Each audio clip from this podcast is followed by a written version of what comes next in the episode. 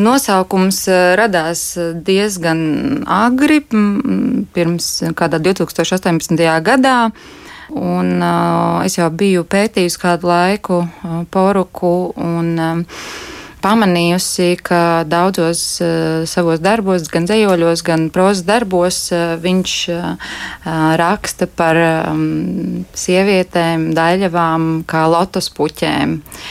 Un tad, protams, ka Poruka paša svarīgākā persona dzīvē ir viņa sieva, Ernestīne.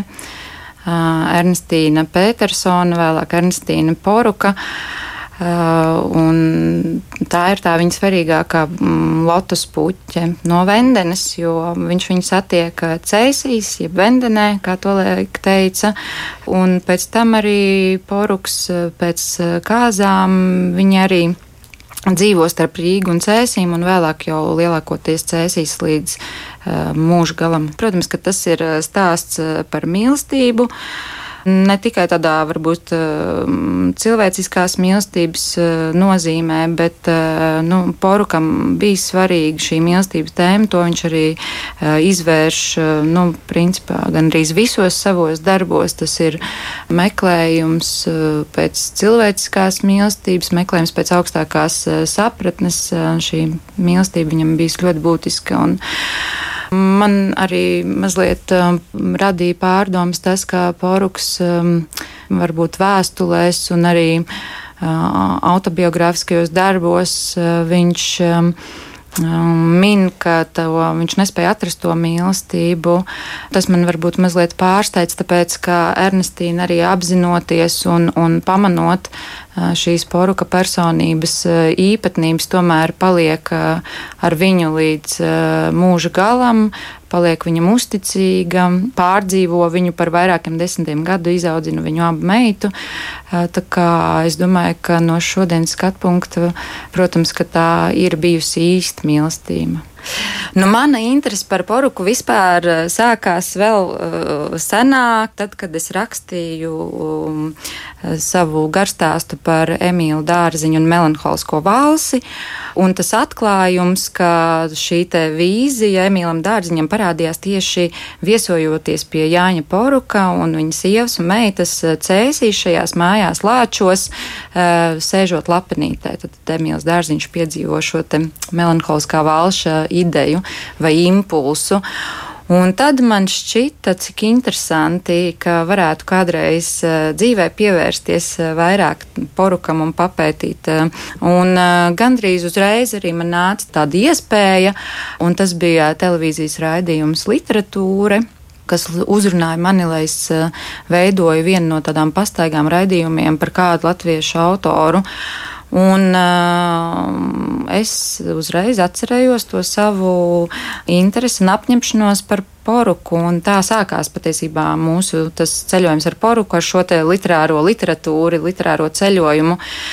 Un tad, kad mēs bijām šo raidījumu jau mm, izveidojuši un nofilmējuši, tad nāca šī romāna sērija Esmu. Um, un man bija iedalīts um, šķiet Anšlaus Seglītis. Un es skatos, ka šajā sarakstā ir Māris Bērziņš, un, kuram ir iedalīts Jānis Poruks. Un es tagad uh, uzrunāju projekta organizators un saku, vai ir kaut kāda iespēja tikt pie tā Jāņa poruka. Viņa saka, nē, nē, nē, tagad, ja visi sāks mainīties, tagad sāksies haus un kas tad būs. Un patiesībā es jau biju ļoti daudz laika mm, ieguldījusi pētot eh, poruku un, un viņa darbus, um, arī avotus un šīs vietas apceļojusi. Es domāju, nē, tik viegli nevar padoties, un tad es eh, zvanīju Mārim Bērziņam un jautāju, vai viņš ir ar mieru mainīties, vai viņš ir sācis pētīt. Viņš teica, nē, nu labi, nu maināmies. Romāns vispār neaptver pilnībā visu Jāņa Poruka mūžu no dzimšanas līdz nāvei. Mans uzstādījums bija rakstīt par to dzīves posmu no 1893.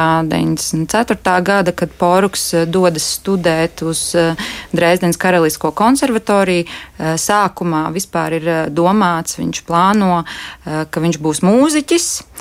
Tāds ir viņa tas dzīves mērķis un uzstādījums. Viņš ar, ar labdara stipendiju aizbrauca studēt uz Dresdeni mūziku, bet nonācis konservatorijā. Viņš pats saprot, viņš redz, ka uz citu studentu fona, kas ir, un Dresdeni tajā laikā ir ļoti, ļoti populāri, tas ir viens no tādiem centriem kultūras m, Eiropā, kur tiešām brauc studēt nu, labākie teiksim, studenti, un viņš saprot, ko uz viņu fona viņš diez vai kļūs par mūziķu salīdzinot ar viņiem. Un tas viņam ir tāds zināms trieciens, bet viņš kaut kā glābjās no tā lasot. Viņš sāka daudz lasīt un sāka gūt ļoti lielu prieku no šīm literatūras, filozofijas lekcijām, arvien vairāk lasa.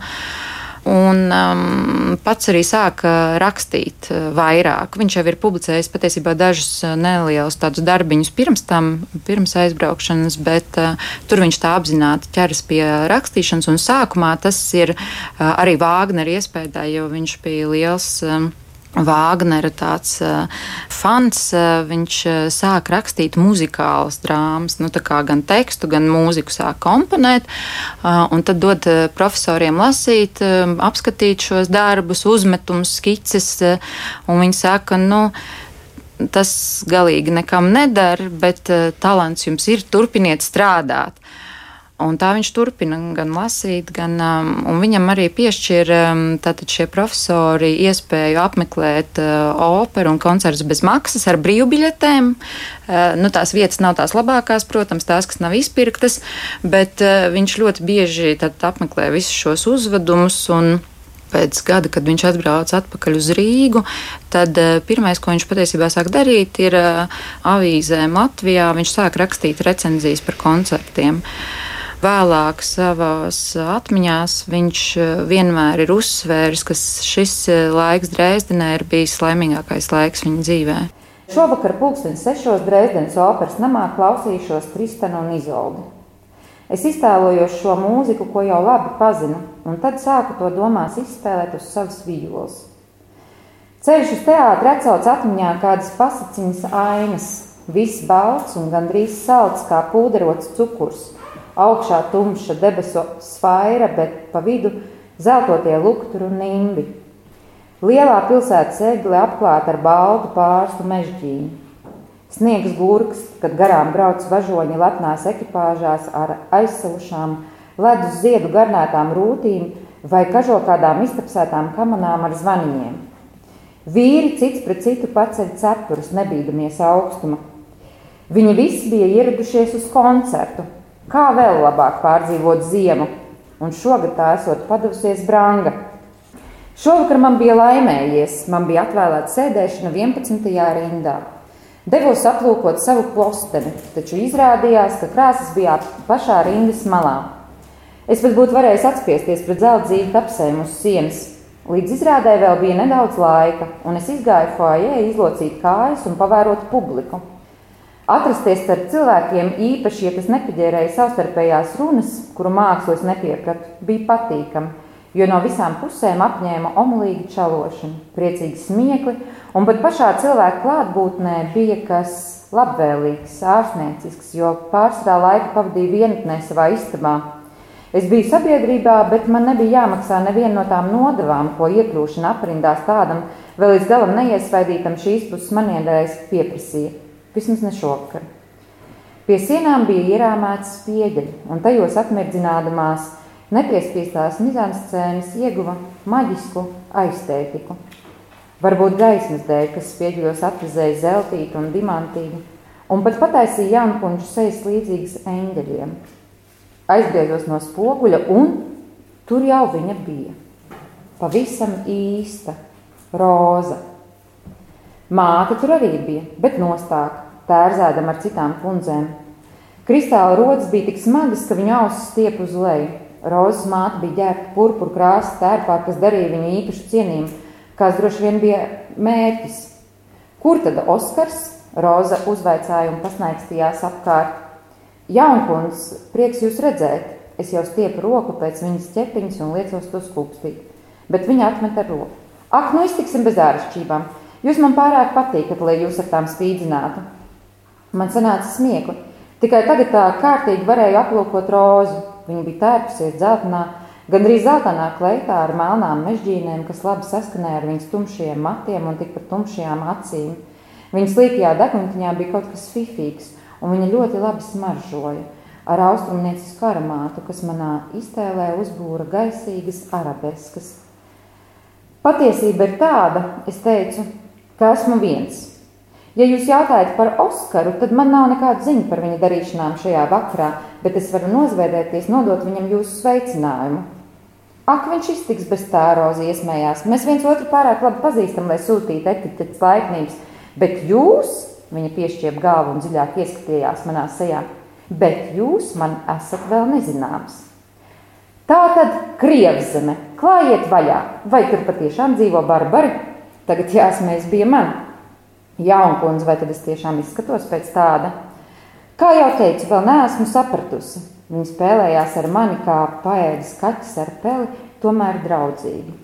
Tad atskanēja zvaniņš, un visi sāka plūst uz savām vietām zālē.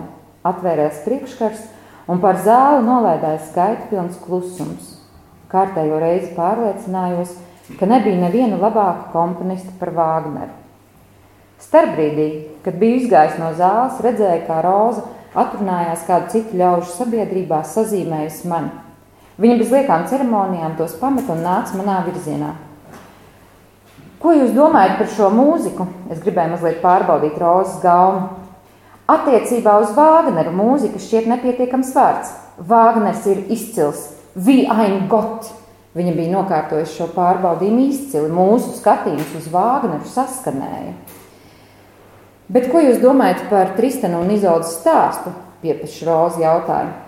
Es šo drāmu līdz galam nevarētu vērtēt atzinīgi. Man gribas apšaubīt Tristana mīlestību, jo viņš par augstāku tur uzticību savam kungam, nevis mīļotajai. Es personīgi uzskatu, ka mīlestībai stāties ceļā nedrīkst nekādi citi likumi, kunga un subjekta attiecības, divu draugu attiecības, sabiedrības lēmumu Mīlestība taču atsiena visus šos mezglus, vismaz tā tam būtu jābūt.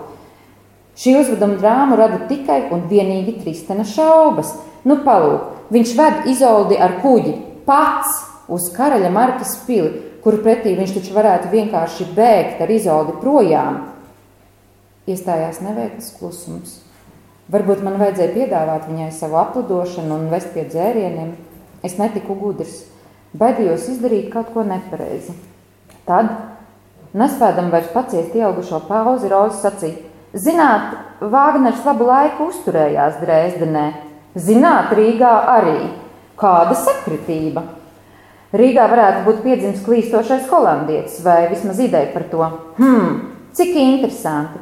Dresdenē tikai viņa revolucionārās idejas. Nebija droši, ko viņa bija ar to domājusi. Kā, jūs nezināt? Viņa ieplata lielās daļās acis un turpināja noslēpumaināk pieliekusies tuvāk manai sejai. Jā, jā, Rihards Vāgners, tas pats izcilais komponists, bija viens no tiem, kas piedalījās revolūcijā. Man šķiet, jūs izmantojat manu lētacību. Es tiešām neticēju, neko par to nebiju dzirdējis. Saprotams, pirms viņš kļuva par ģēniju. Atkal atskanēja zvaniņš. Un tas viss, tās ir stāsta beigas, man pilnīgi noteikti bija jāuzzina visas detaļas. Roza iesmējās un sakārtoja manu tauriņu. Jūs man patīkat, viņa turpināja smieties. Nē, tās nav stāsta beigas, tas ir tikai sākums. Un tad šķelmīgi piemetināja. Man jāsaka, šis patiešām ir tikai sākums.